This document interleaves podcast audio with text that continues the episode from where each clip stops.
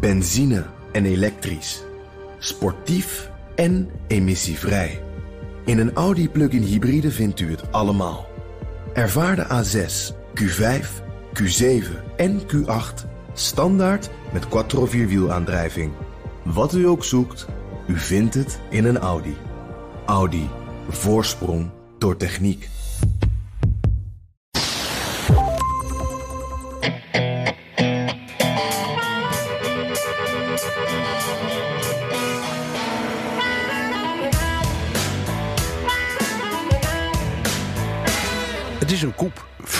En complete bullshit, tenminste, dat zegt Trump. Het is noodzakelijk en het is onze verantwoordelijkheid, zegt Nancy Pelosi. Trump, de Democraten, heel Washington, alles en iedereen is in de ban van impeachment.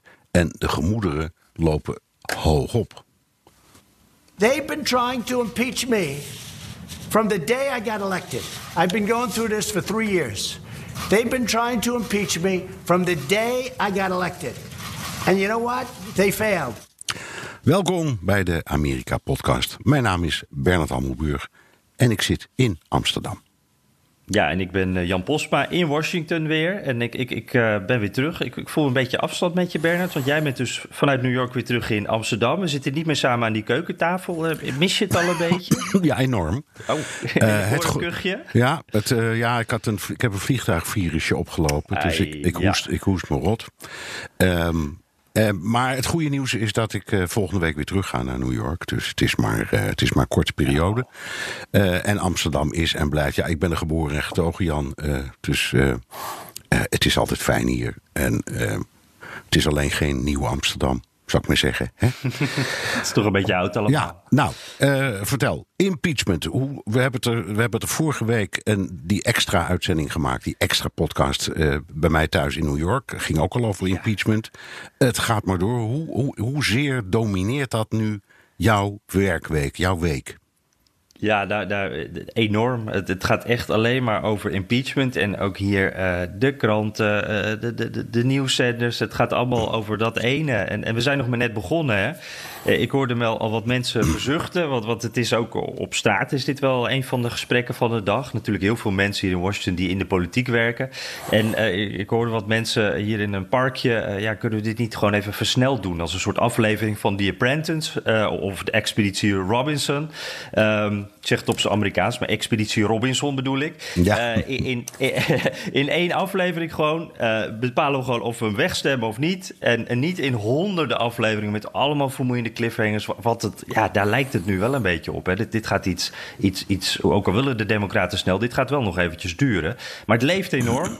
En ik merk ook echt, er zijn heel veel vragen over. Dat heb jij ook vast wel als je op een verjaardagsfeestje komt. Dan, dan zijn er altijd een paar vragen van, ja, wat denk je daar nu over? En... Um, en ik moet ook zeggen, we hebben ook vragen toegestuurd gekregen. Dus als je een vraag naar ons hebt gestuurd, we proberen ze allemaal mee te nemen. Maar uh, Bernard, wat mij het meeste gevraagd wordt. Het is toch voorbij met Trump? Hij, hij, hij moet weg, toch? Ja. En dan denk ik, Bernard, wij hebben het daar vaak over. Dat is nog niet zo, hè? Nee, dat is helemaal niet zo. Want uh, uh, in de eerste plaats is het de vraag uh, of dit zo leeft zoals jij beschrijft en ik het ook voel en ook merk in de vragen bij iedereen om me heen, of dat zo leeft in, ik zal maar zeggen, het Amerikaanse platteland, aan de westkust. Ja. Uh, buiten onze bubbeltjes. Buiten, buiten onze bubbeltjes. Uh, denken ze er, uh, we kregen hè, vorige keer een vraag van iemand: kun je niet eens wat meer aandacht besteden aan uh, de westkant van de Verenigde Staten. Nou, die had groot gelijk. Zou het daar nu ook zo leven? Dat vraag ik me af. En dan heb je gewoon de staatkundige kant. Uh, een impeachment is een procedure die wordt voorbereid door het Huis van Afgevaardigden. Uh, en uh, die stellen dan iets in, dat heet die Articles of Impeachment. Dat is in feite een aanklacht, die moet worden geformuleerd. Het huis is, wordt, krijgt dan de rol van aanklager. En klaagt, en de, de rechtbank is de Senaat. Dus de aanklager klaagt aan bij de Senaat. En de Senaat moet het dan in, in behandeling nemen. Nou, dat, dat, dat, dat is al een enorme procedure. In de Senaat zijn de Republikeinen ruim in de meerderheid. Dus dit is helemaal geen gelopen race. En eh, ik zelf heb grote twijfel of, eh, of die impeachment echt leidt tot afzetting. In elk geval. Dat kunnen we, het enige feit dat we heel zeker weten. Er is in de geschiedenis van de Verenigde Staten nog nooit een president afgezet. Mhm. Ja, en, en nu ook weer, want je noemt inderdaad die Senaat. Dat is eigenlijk een beetje de, de tweede stap. Want we zijn nu nog eigenlijk aan het informatie verzamelen. Hè? Dat, dat zijn de Democraten nu aan het doen. Ja. En eh, als we dan bij die Senaat aankomen, dan is er een driekwart meerderheid nodig. En ja, ik, ik, die senatoren die houden zich natuurlijk allemaal stil. Die denken dat moet eerst nog even door het Huis van Afgevaardigden. En vooral die Republikeinen in de Senaat denken: wij houden onze mond, uh, vraag ons niet, wij zeggen ook niks. En, maar we, ja, er is nog geen enkel uh, ja, bewijs eigenlijk dat die Republikeinen, dat die senatoren een beetje omgaan. Hè? Nee. We hebben nog niemand gehoord. Nee, nou, op, op een enkeling na. Wat, wat mij opviel was een uh, één opmerkingje van de Republikeinse leider. Uh, McConnell. Uh, die is ook zeg maar, de, de, ja, de, de leider in de Senaat. En die bepaalt de debatten. Eigenlijk de machtigste republikein. Dat is de machtigste republikein. Je kunt, ja, je kunt zeggen dat is de republikeinse partijleider. Als je de president niet meerekent, is die echt de belangrijkste. Um, en die zei van de week, um, als de zaak bij ons wordt aangebracht... ja, de regels zijn dat we dat dan dat we dan uh, die impeachment uh, in behandeling moeten nemen bij de Senaat. En daar ook zullen moet, moeten gaan stemmen. Uh, hij zei er wel bij, ja, ik, ik weet dan niet hoe lang. En daar bedoelde hij mee misschien. ik zet het formeel op de agenda en daarna hamer ik het meteen weer af. Dat recht heeft hij. ja. Maar ik, ik vroeg me af, Jan. Het feit dat die man zegt. we zullen hem in behandeling moeten nemen. Dat betekent op zijn minst dat onder die Republikeinse senatoren heel diep wordt nagedacht. Ja, wat moeten we nu? Hmm. Uh, we willen ja. geen president afzetten, maar ja, een heleboel van ons, een derde van die senatoren, is op voor herverkiezing. En als de sfeer echt uh, omslaat uh, ook in Californië of in het Middenwesten of in het Zuiden. En er zijn een paar tekenen van dat dat toch wel een beetje gebeurt. Maar ja, dat, dat weet jij waarschijnlijk beter. Ja, dan moeten ze zich achter de oren krabben en zeggen: jongens, wat gaan we doen? Ja, ja, dan moeten ze eigenlijk een plan B hebben. Ja, we hebben uh, een, een, een oud-senator gehad, uh, Jeff Flake, die zegt van, uh, nou, die spreekt natuurlijk al die mensen nog, is een republikein. En die zegt van, ja, zo'n 30 tot 35 mensen zijn zeker tegen Trump. Alleen, ja, we weten niet of dat een beetje wishful thinking is. Je hoort wel vaker wat verhalen dat, dat in de Republikeinse partij, dat daar toch ja, de weerstand tegen Trump groter is dan ze laten merken. Maar ja, niemand weet hoe, dat, hoe diep dat echt zit en of dat er echt zo is. En wat jij zegt inderdaad, dat zo'n Mitch McConnell zegt... Uh, nou, we gaan erover stemmen. Dat, dat moet hij ook zeggen, want dat is nou eenmaal hoe het werkt. Dat is de wet. Maar McConnell is ook de man die uh, uh, ja, best wel hard erin gaat tegen democraten. Die het ook niet nalaat om, om democraten even te pesten van tijd tot tijd. Even wat zout in de wonden te, te wrijven. onder McConnell en onder Trump natuurlijk zijn er heel wat... zijn er twee conservatieve rechters bijgekomen, bijvoorbeeld in het Hoge Rechtshof. Nou, er worden t-shirts verkocht... Met McConnell erop uh, dat, dat hij de, de, de kampioen is uh, als het gaat om het aanstellen van rechters. Nou, er zijn democraten die worden daar natuurlijk boos om. Uh, de, dus dat juist als zo'n McConnell op dit moment even het nalaat om wat zout in de wonden te wrijven. En gewoon te zeggen, nou, ja. we gaan ermee aan de slag. Dat zijn ja. denk ik wel wat. Er zijn een paar dingen die ik, die ik dan bedenk. In de eerste plaats, um, ook als er een andere republikein president was geworden... Laten we zeggen als John McCain nog had geleefd en die was president geworden. Ook dan waren er conservatieve rechters benoemd. Dus wat dat betreft is, is voor McConnell zo een soort keuze niet uitgesproken pro of contra Trump. Daar, daar blijft hij als het ware als, als ware republikein toch een beetje op de vlakte. En een tweede opmerking, je, je citeert die uh, oud-senator Flake. 35 senatoren zijn tegen Trump. Betekent dat nou ook dat ze tegen Trump zouden stemmen? Want dat is nog wat anders. Ik kan me ja, voorstellen ja. dat je zegt: ja, thuis in de huiskamer of aan de keukentafel. Uh, dat zo iemand tegen zijn gezin zegt of tegen zijn partner. Ik word helemaal gek van die man. Ik kan helemaal niet tegen deze president. Maar dat is nog wat anders dan dat hij in de Senaat bij een impeachment tegen de president stemt. Dat is nogal wat hoor. Ja, zeker. Want daar, tellen dan, dan, daar telt mee wat jij inderdaad net noemde. Van uh, hoe denkt de achterban erover? Die senatoren denken ook aan hun eigen positie. Uh, maar ze denken ook aan hun eigen positie in de partij. En, en uh, wat het natuurlijk is, het, als jij als enige op gaat, opstaat tegen jouw partijleider, eigenlijk tegen Donald Trump, dan zijn daar natuurlijk repercussies. Dan, dan, ga je dat voelen. En ik denk dat dat ook wel meespeelt. Trump heeft die partij echt in zijn greep. Ehm, op dit moment, de, nou ja, we zien wat, we gaan het zo nog over de publieke opinie hebben, maar het is nog lang niet zo dat Trump al afgeserveerd kan worden. En zo lang zijn, uh, ja, zullen die senatoren ook heel voorzichtig zijn, denk ik, in, hun, uh, uh, ja, in wat ze durven te zeggen. En ik zie het ook, ik zie het nog niet gebeuren. Ik zie nee. het echt nog niet gebeuren. Nee, nee, nee, ik ook niet hoor. Nou, je, je zei, we gaan er straks op in, op die peilingen. Pak ze maar meteen. Want Oh, het, ja, wat is een on- ja. onderwerp waar jij altijd enorm in zit. En die, je- je weet ook precies welke, welke je op welk moment moet bekijken. Dus kom maar door. Ja, ik vind dit, ja, ik vind dit altijd fascinerend, eh, Bernard. Eh, Dus als het dan om de peilingen gaat, eh, we hadden het er vorige week ook al even over. Hè. Toen was het eigenlijk allemaal net gebeurd. En toen was er e- één peiling die ik er eventjes uit kon pakken. Inmiddels is 538, nou die site die ken jij ook, die, die maakt een soort gemiddelde van alle peilingen. Als het bijvoorbeeld gaat om, om verkiezingen, maar ook de approval ratings van Trump. Nou, die hebben nu hetzelfde gedaan, ook met de steun voor impeachment. En dat vind ik altijd wel interessant, want dan krijg je dus alle pijlers bij elkaar. Zij bepalen dan, nou deze vinden we wat meer betrouwbaar, deze wat minder betrouwbaar. En dan komt er uiteindelijk een percentage uit. Ehm, ze hebben het, eh, nou, net, net als eh, vorige week ook in die peiling, hebben ze het eh, onder Democraten, Onafhankelijken en Republikeinen hebben ze het gepeild. 79% van de Democraten steunt een impeachmentprocedure. Dat is ook wel even belangrijk, dat is dus de procedure, niet het daadwerkelijk afzetten, dat is niet gevraagd. En, maar eh, die 70%, 79%, dat is een krappe 10% meer. Dus in een paar dagen is dat bijna 10% gestegen. Zo, ja. Eh, ja, dat is wel veel. Eh 40% van de onafhankelijken is voor. Eh, dat is ook een krappe 10% stijging. Eh, en ja, dan de grote uitzondering, dat zijn de Republikeinen. Eh, die zaten rond de 8, 9, 10%. Dat, dat wisselt een beetje. En eh, die gaan nu naar 12,5. Dus daar is ook een stijging. Maar het, het verschil is nog steeds enorm.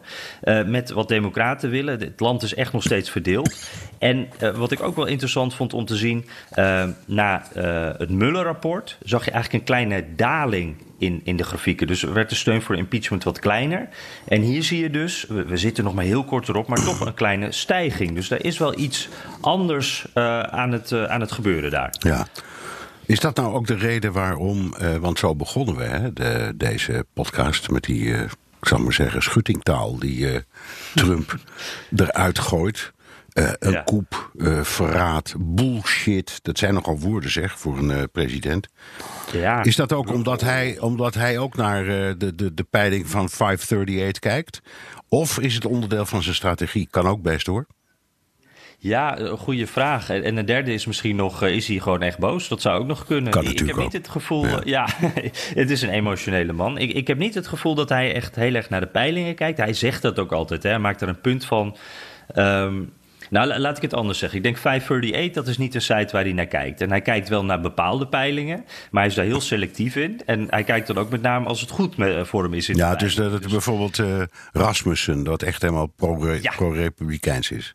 Ja, wat altijd inderdaad net iets positiever voor Trump uitvalt. En bij de laatste, bij de verkiezing 2016, eh, daar eh, verwijzen Republikeinen altijd naar. Maar toen hadden ze gelijk. Nou, dat klopt, want ze zijn altijd een beetje net iets pro-Republikeinser dan de andere eh, eh, peilingen. Maar ik, ik denk dus niet dat hij eh, dit zo in de gaten houdt. Maar ik denk wel dat hij eh, dat die peilingen in het algemeen, die ziet hij ook op zijn Twitterfeed binnenkomen natuurlijk.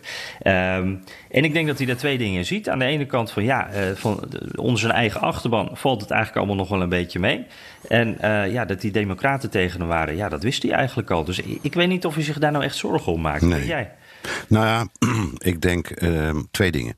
In de eerste plaats, eh, het gaat om wat wij in Nederland noemen de zwevende kiezer. Die zijn er in Amerika ook. Eh, Daar loopt hij gevaar. Als die cijfers die jij net klopte een trend zijn en zijn, zijn populariteit daalt iets in de Republikeinse Partij en keldert onder Democraten, ja, dan kan ik me voorstellen dat hij denkt: ja, maar ik kan het niet alleen hebben van mijn eigen achterban. Die is net te klein om de verkiezingen mee te winnen. Dus hij heeft meer dat pad wordt steeds nauwer. eigenlijk. Precies, precies. Ja. Dus dat, dat kan ik me ook wel eh, voorstellen. En dan, ehm, ja, dit is, eh, we zitten hier nu nog maar net in. in. Dit is eigenlijk allemaal pas aan het rollen sinds bekend werd dat eh, Trump met zijn Oekraïense collega had gebeld om, eh, over Joe Biden en diens zoon Hunter. Vanaf dat moment is dat begrip impeachment weer enorm gaan knallen. zal ik maar zeggen. En dat is nog maar heel kort uh, in, in zo'n procedure. Uh, want een impeachment, het is niet iets wat je. Dat, dat, dat duurt een. En ja, als jij zei het net al. Uh, wat was het? 79% is voor het starten van een procedure. En je zei heel terecht, dat is niet een impeachment zelf. Nee. Dus daar verloopt een enorme uh, periode. Ik kan wel even een vergelijking maken hoor. Ja, doe dat eens. Want jij hebt, uh, daar hadden we het vorige week ook over. Je hebt natuurlijk sowieso de Clintons. Daar was jij in, in, in Amerika. Maar, maar Nixon, daar kan je misschien ook wat over zeggen. Ja, ja Nixon zeker. Dat is natuurlijk interessant. Die, daar is uiteindelijk, nou ja, je weet, die is afgetreden op het moment dat die articles of impeachment werden ingesteld. Dus die heeft uh, toen de bui losbrak, uh, heeft hij de afloop niet afgewacht. Maar om, om een indruk te geven.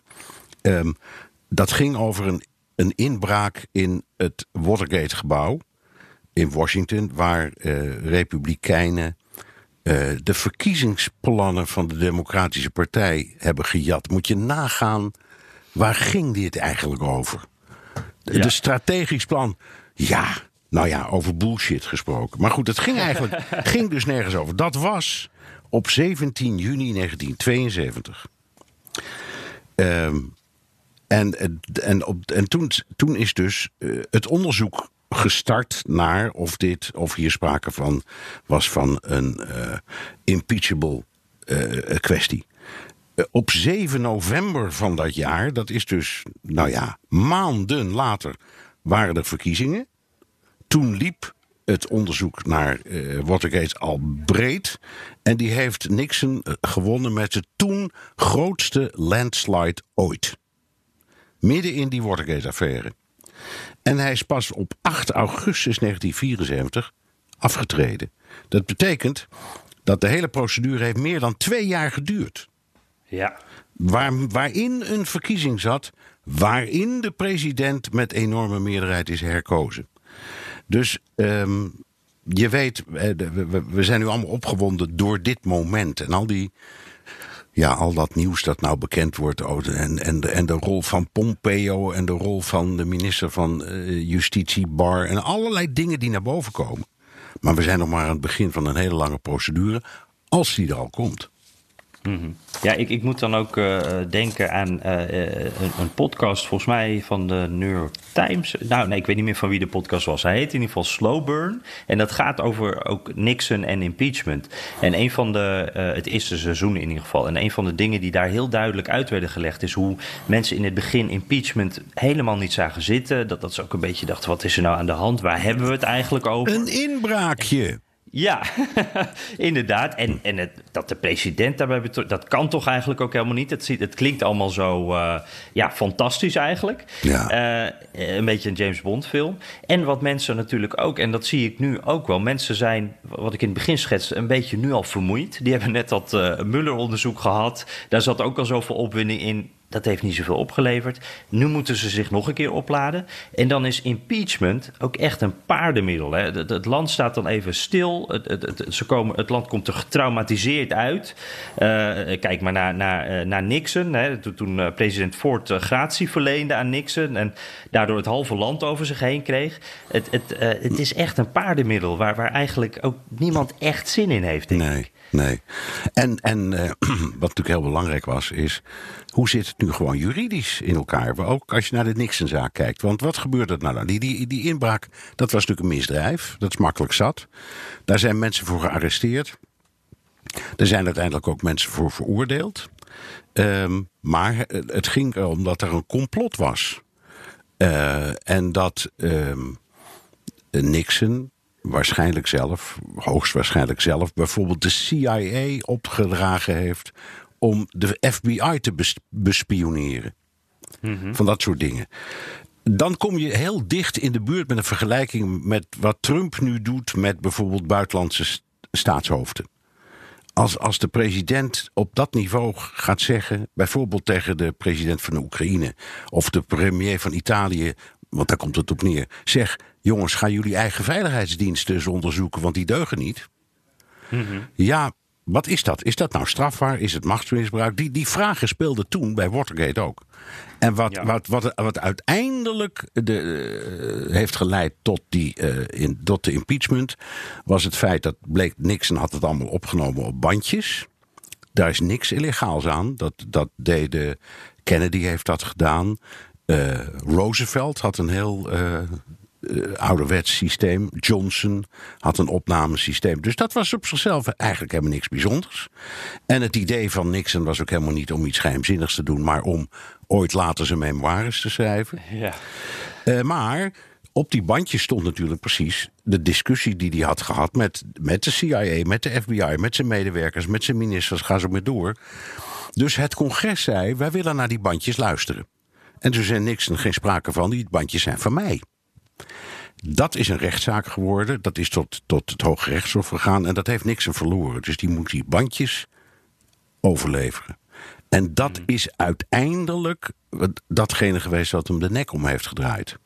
Dus je ziet hoe ingewikkeld het is en hoe, eh, hoe moeilijk het is om te beoordelen van wat is nou precies strafbaar. Wat is een misdrijf? Eh, wanneer, en dan, dan kom je tot de conclusie, toen ook, dat een misdrijf eigenlijk een misdrijf is als het Huis van Afgevaardigden dat vindt.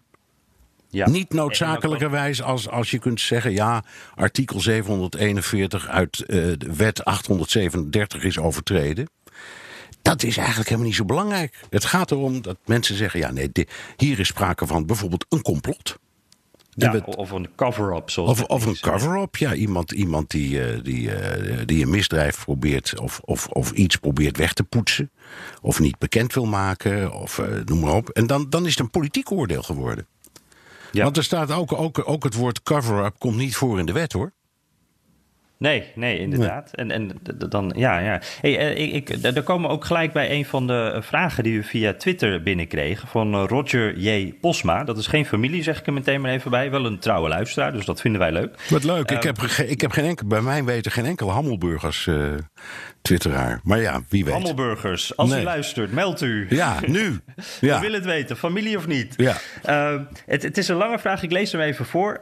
Vraag voor de Amerika-podcast. Trumps Oekraïne-schandaal is pas vorige week in volle omvang in de media gekomen. Toch was in mei 2019 al bekend dat Rudy Giuliani als advocaat van Trump naar Oekraïne was afgereisd op zoek naar materiaal tegen Joe Biden. Ehm, in essentie dus hetzelfde verhaal als nu door de klokkenluider wordt gemeld. Waarom is dit verhaal nu wel groot door de media opgepakt? Eh, is het eh, omdat er nu wel contact wordt gegeven? Eh, hij zegt tussen haakjes New Times meldde toen alleen het feit. Is die duiding door de media dus noodzakelijk voor een beter begrip? Ehm, nou, ik vond dat wel een hele interessante vraag. En we komen zo weer eventjes ook terug op het onderwerp waar we het net over hadden trouwens. Maar ja, ik heb het eh, even Ja. ook gecheckt, want het was mij toen ook opgevallen. De New York Times heeft het toen een beetje weggestopt, ook in een artikel over wat anders. En toen weet ik nog dat er op Twitter erg op gereageerd werd door andere journalisten van wacht even, is dit niet het echte nieuws? En ik heb zelf het idee dat het ook een beetje komt omdat de focus toen erg op Robert Mueller lag. En, en dat dit echt een soort bijzaak was op dat moment. En daarnaast speelt ook denk ik mee, er zijn zoveel verhalen nu in het Trump-tijdperk. En die spelen allemaal tegelijk, die vallen over elkaar heen. Eh, ja, we laten ons ook met z'n allen dan een beetje afleiden. Je kan maar op één ding tegelijk focussen. En, en, en nu eigenlijk ook, hè, want Trump die tweet dan over burgeroorlog en landsverraad. Dan hebben we het ineens daarover. En het is heel moeilijk om je bij die kern te houden, denk ik. Dus ik, ik denk dat dat sowieso een ding is. Ik- ik- de eerste observatie is dat postma's toch hele goede vragen kunnen stellen. Dat blijkt maar weer. ja. Ehm, Kun je zak stoppen, Roger? Zo is dat. Nee, maar ik vind hem echt goed. En ehm, het- ook jouw observatie. Ik denk dat eh, het nu zo groot is vanwege die klokkenluider. Omdat ehm, die klokkenluider eh, een paar dingen heeft gezegd. Hij zegt, er is informatie achtergehouden. Eh, en die is heel belangrijk om te begrijpen wat zich nu precies heeft afgespeeld. Ehm, het is een groot verschil of de advocaat van de president ehm, in het buitenland iets, een, een zaakje probeert te regelen, bijvoorbeeld met Oekraïne, of de president zelf die aan de telefoon hangt. Daar blijkt een transcriptie van te zijn. En die komt er, al wordt het niet met zoveel woorden gezegd, op neer dat hij eerst een paar dagen, eh, dat hij eerst zegt: Ik had jullie militaire hulp van 400 miljoen beloofd, maar die krijg je even niet. En mhm. een paar dagen later, in een persoonlijk gesprek met de president, zegt ze: zeg, kunnen jullie even een onderzoek doen naar de familie Biden? En dan is de conclusie van heel veel eh, mensen, ook in de media, ja, dit is afpersing. Het een heeft met het ander te maken. Dus dat werd, het werd een ander verhaal dan dat oorspronkelijke New York Times verhaal. Vind ik. Ja, dat is een goed punt. Het heeft nu een andere lading, een grotere lading gekregen. Ja, dat is waar. Ja, dus dat, dat zou eh, hem kunnen zijn. Ja, ja, nee, goed. Uh, nou, als Postma's vragen kunnen stellen, kunnen Hammelburgs de antwoorden geven. uh, nog een vraag van Roger, want hij ging nog even door. Hij zegt van, en, en, dan komen we weer op het vorige punt een beetje. Voorkomen we daarmee, even kijken, hoe zeg jij? Hij zegt, voorkomen we daarmee ook niet normvervaging? voor je het weet, vinden we het heel normaal dat een Amerikaanse president het buitenland inschakelt tegen zijn politiek tegenstanders, oproept tot de doodstraf voor informanten van klokkenluiders, congresleden, verraders noemt et cetera. Ja. Um, vraagt hij ook een beetje, in principe denk ik, zijn we op dit moment zijn we ook grenzen aan het verleggen op dit moment? Ja, ook daar moet je weer uh, erg, ja, daar moet je ook even weer erg voorzichtig mee zijn. Laten we een heel simpel voorbeeld nemen. Als uh, Turkije raketten koopt van Rusland, dan belt het ene NAVO-land met het andere NAVO-land om te zeggen: er is hier iets vreselijks aan het land. Hoe kunnen wij Turkije pakken? En hebben wij niet vuil over Erdogan dat we nu eens kunnen publiceren, want dit is een ideale timing.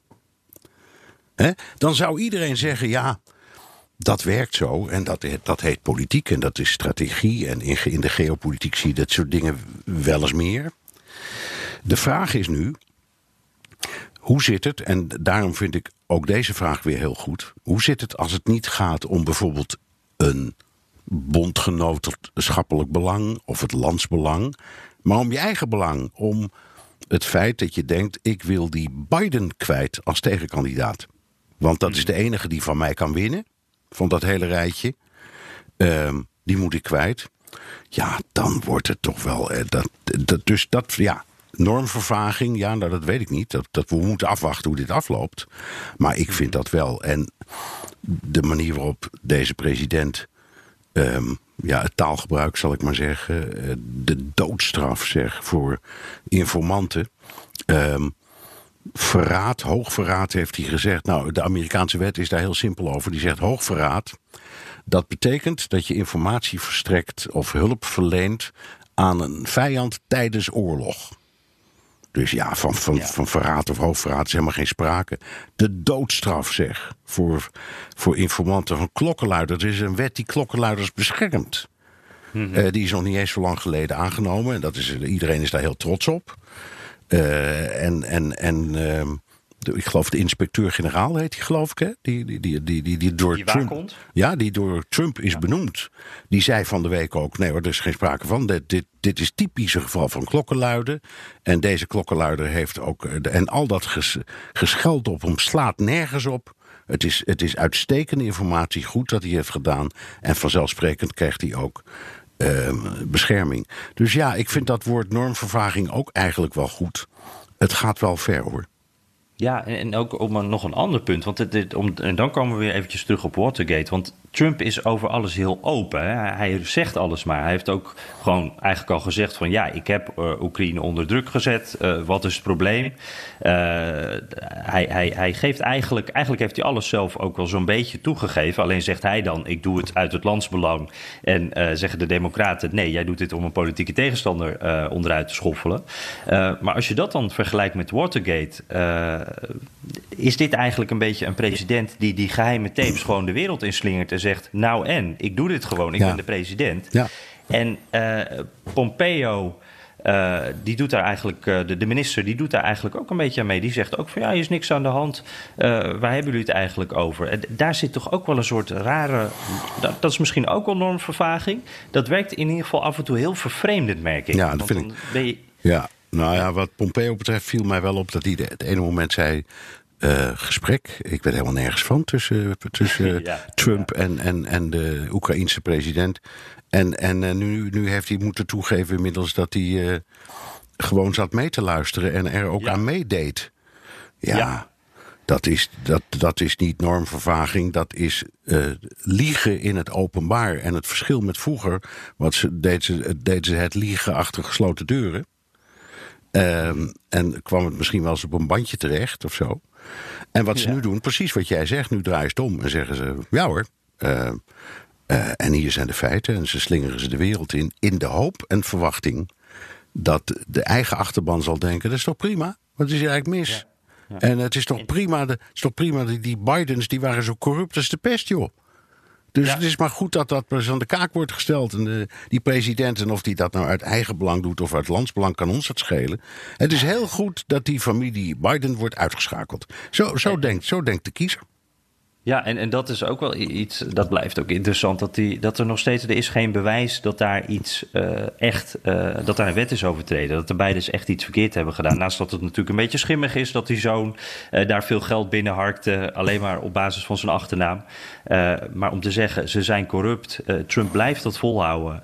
ja, de, de, filmpjes, de Facebook filmpjes die de campagne deelt, die gaan daarover. Er is geen bewijs voor. Nee, nee maar dat is, kan hem ook niet schelen. Uh, er was destijds uh, een kwestie over een aanklager die een onderzoek deed naar uh, het gasbedrijf waarvoor de zoon van Biden werkte. Ehm, er waren, sorry, in Groot-Brittannië klachten over mogelijk witwassen en corruptie. Enfin, er liep een onderzoek. Maar het is nooit afgesloten en het kan ook best allemaal onzin zijn. Daar heb je helemaal gelijk in. Het kan best zijn dat het allemaal lastig is. Maar zo is het nu eenmaal in in de politiek. Gezondheid. Dankjewel. Uh, het is toch voor de kiezer waar rook is, is vuur.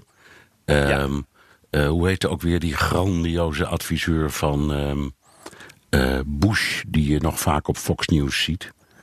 Ehm, die, uh, de, wie bedoelt. De, nou, er was zo'n de campagne guru achter uh, de, de, de, de Bush-campagne.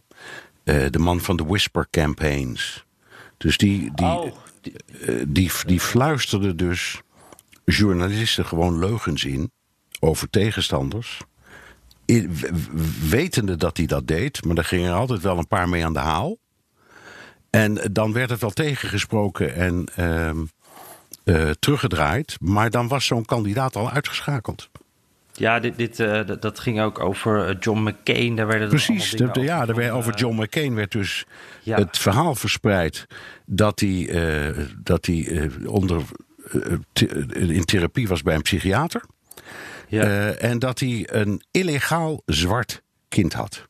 De werkelijkheid was dat John McCain inderdaad in behandeling was geweest van een psychiater. Vind je het gek als je 6,5 jaar als krijgsgevangene in Hanoi uh, ja. hebt gezeten.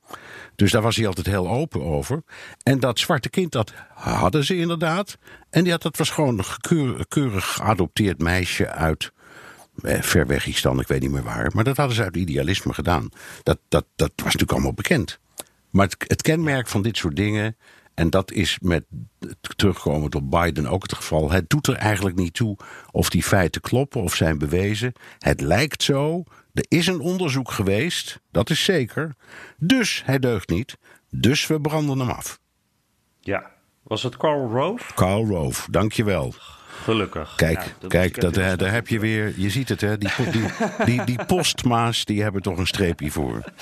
Ja, hey Bernard, twee dingen. Mijn, mijn, koffie is bijna op, dat is op zich geen probleem, maar dat is vaak een teken dat we al iets te lang aan het praten zijn. Ja. We hebben nog best wel wat vragen eigenlijk. Uh, wat, en jij had ook nog wat uh, citaten, wat quotes die je wilde laten horen. Wat... Ja, nou, uh, ja, dat gaat, dat gaat dan even over... Um, die, al, al die, die, die, die taal van, uh, van Trump, die dan, uh, ja. die, die, dan over landverraders heeft en over al dit soort dingen. En dan de, de, tegenbeweging, dat is aan de ene kant heb je Adam Schiff, dat is die, dat congreslid, die, die meneer die die impeachmentprocedure probeert te starten. En partijleider Nancy Pelosi. En ik heb uh, een paar citaatjes van ze achter elkaar gezet. Het duurt even, maar het geeft wel helemaal een keer de toon aan, vind ik op een goede manier, van hoe die democraten dat nou doen. Ja. Let's, let's not make any mistake here. The president wants to make this all about the whistleblower and suggest people that come forward with evidence of his wrongdoing are somehow treasonous uh, and should be treated as traitors and spies. Um, this is a blatant effort to intimidate witnesses. Uh, it's an incitement to violence. Um, and I would hope, and we're starting to see members of both parties speaking out against attacking this whistleblower others that have pertinent information. The intelligence community recognizes the importance of whistleblowers.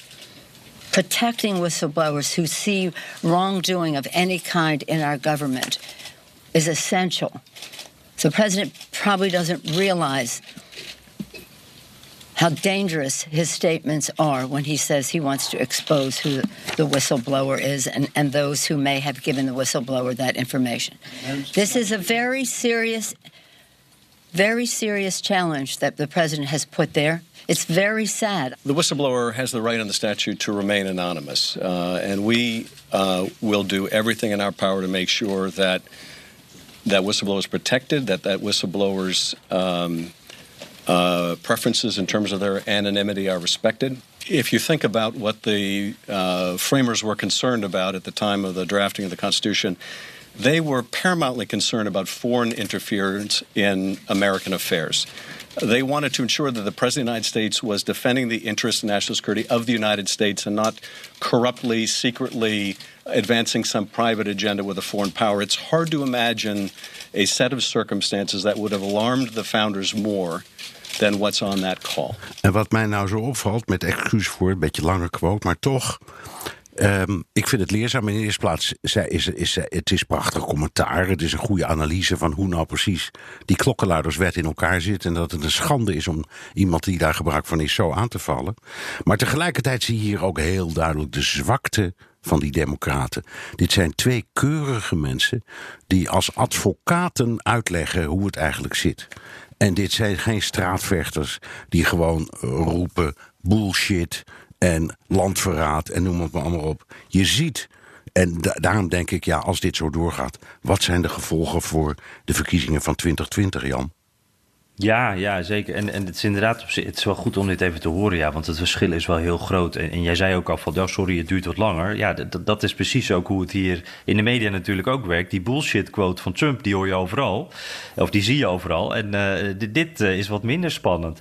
Um, ja, en, en twee, uh, 2020, wij kregen een vraag van Geertje Kapon via Twitter, ook een luisteraar. gelijk eventjes een waarschuwing trouwens, Bernard, want Geertje die tweette ook jullie ergens halverwege, dan zakken jullie soms een beetje in. Dus we moeten goed de energie erin houden. Oh, wow. Uh, dus neem nog een slokje koffie. Um, en zij vraagt: uh, zou deze affaire er ook toe kunnen leiden dat juist Biden voortijdig sneuvelt in de race om uh, de kandidatuur van de Democraten? maar dat dat wel een blessing in disguise zou zijn, omdat ze dan worden uitgedaagd met een frisse, jongere kandidaat met minder legacy te ja, komen. Ja.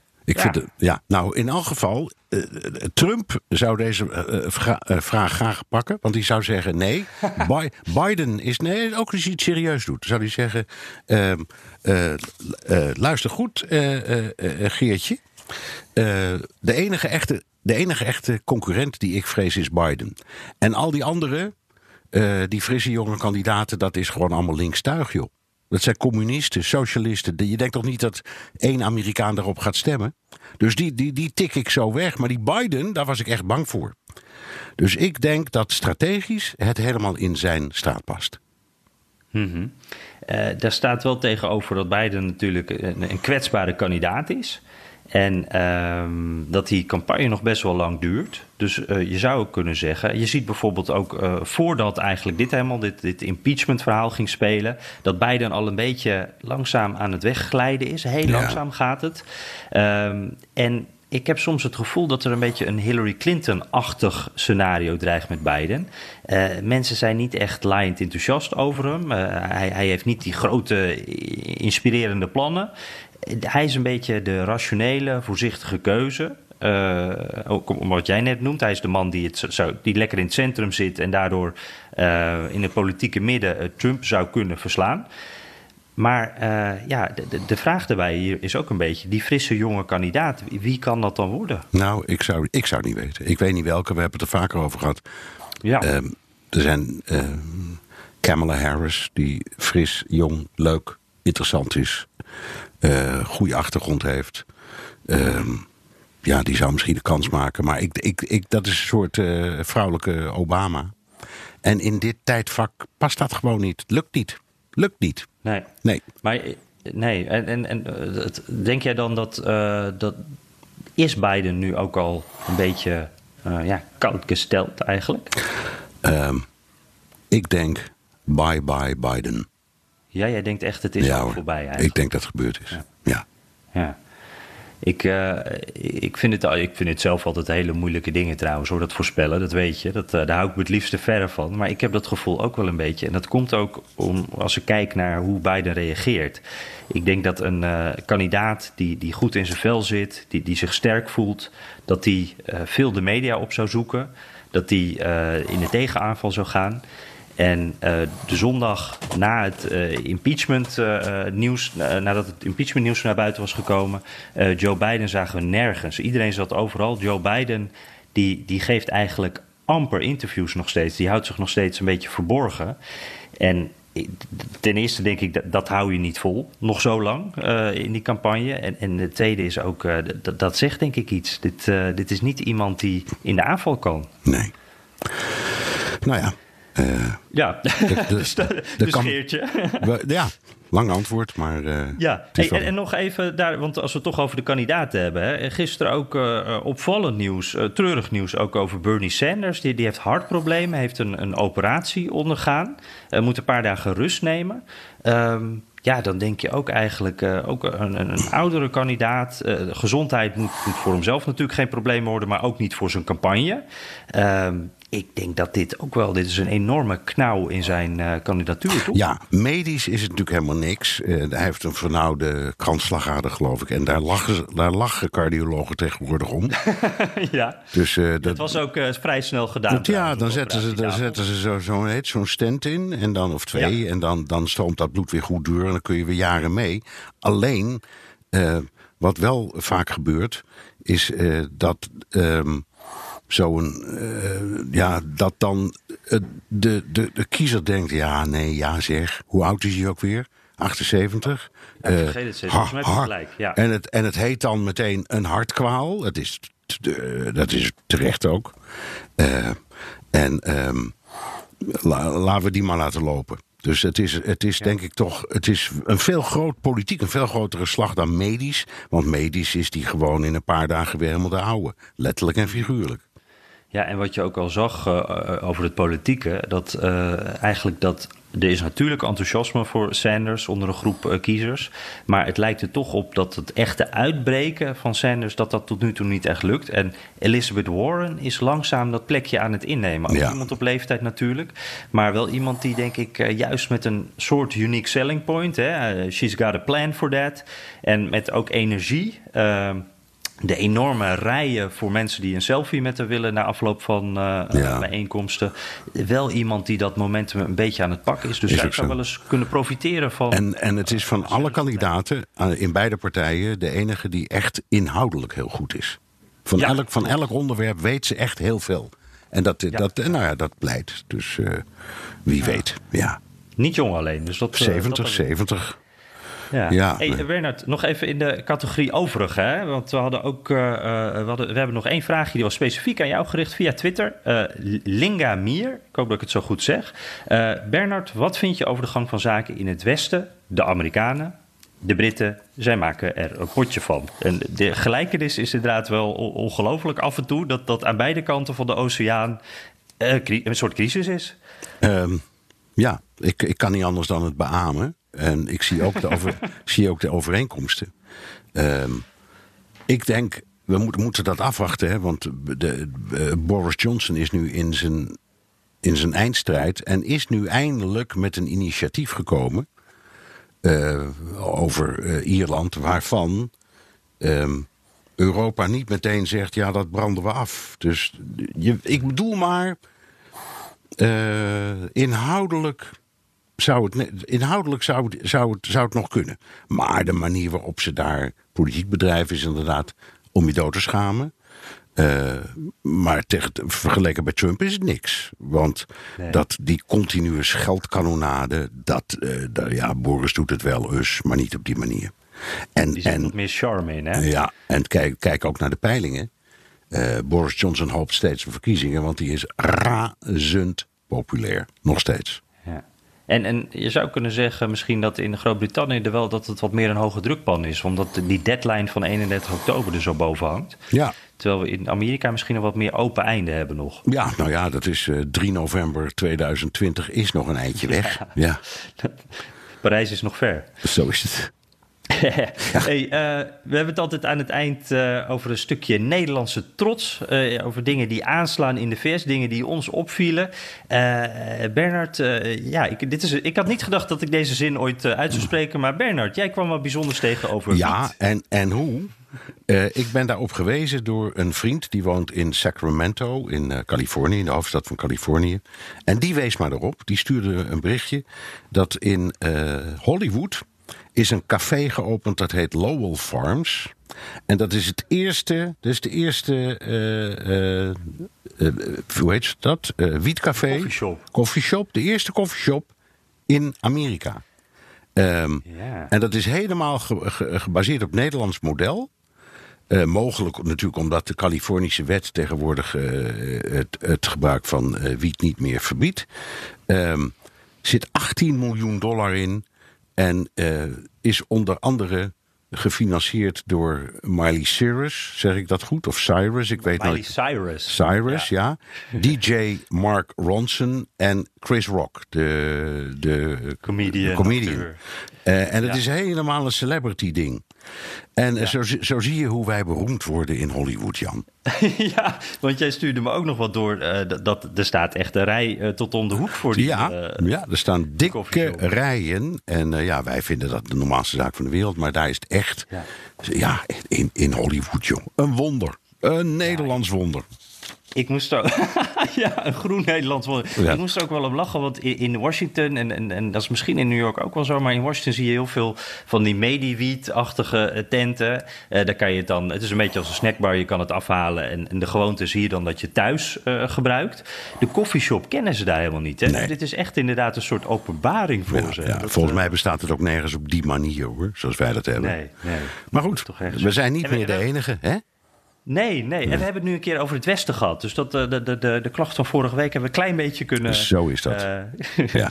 Ehm, ja, dit eh, was hem alweer, hè? Deze aflevering van de Amerika-podcast. Via de BNR-app of de site kun je je heel makkelijk abonneren op de podcast. Kan ook via iTunes of Spotify. We zijn dolblij met recensies. Heb je er nog één gevonden, Jan? Ja, een paar zelfs. Praja 020, eh, die geeft vijf sterren vanuit Amsterdam. Nou, dankjewel daarvoor. En zegt Friesland Boppen. Dat slaat nog over een paar podcasts terug. Maar dat, dat doet mij natuurlijk eh, goed. Dat, eh, daar krijg ik het even warm van van binnen. En hij noemt ons de leukste Nederlandse podcast over Amerika. Dus dankjewel, Praja. En twitteraar Johan Hagen, die zegt super interessant. Oh ja, hij had nog een vraag voor jou. Nou, als je daar kort antwoord op hebt. Hij wil graag wat meer weten over de evangelicals en waarom ze zo achter Trump staan. Ik kan me namelijk niet voorstellen dat christelijk Nederland vol achter zo iemand zou gaan staan. En dan staat er achter eh, tussen haakjes liegen, bedriegen, et cetera. Eh, ja, is, is dat antwoord gewoon eh, opperrechters of zit er nog wat meer achter? Nou, dat is het belangrijkste. De, het uitvoeren van de conservatieve religieuze agenda. En daar gelooft Trump helemaal niet in, maar hij heeft zich erop vastgelegd. dus hij dat gelooft er nu plotseling wel in. En dus ze zeggen, wij vergeven hem al zijn zonden. En er zijn, dat zijn er vele. Maar in de hoofdzaken, dingen als abortus, dingen als conservatieve rechters, dingen als eh, de bescherming tegen vreemdelingen, dingen als eh, kiezen voor Israël en tegen Palestijnen. Al dit soort kwesties, daarin omhelzen we hem. En vandaar die steun, vandaar dat het zo'n grote markt is. Ja, ja, geen woorden, maar daden. Eh, nou, heel mooi. En nog even de, de mooiste Twitter-reactie, wat mij betreft, kwam van Walter Voice. Die zegt, eh, weer heerlijk de badkamer schoongemaakt onder het genot van de Amerika-podcast. Dat maakt het werk toch wat gezelliger. Dank. Dus dat is een mooie. Dus ik wil ook bij deze mensen oproepen, we willen wel wat meer horen waar jullie luisteren en wat jullie aan het doen zijn, terwijl wij eh, in jullie oren aan het bouwelen zijn over Amerika. Oké, heb je vragen, opmerkingen, kritiek of complimenten, al dan niet vanuit de badkamer? Twitter dan naar underscore Jan Postma underscore of BNR De Wereld. Ja, dank voor het luisteren, waar dat ook was. En eh, tot de volgende keer.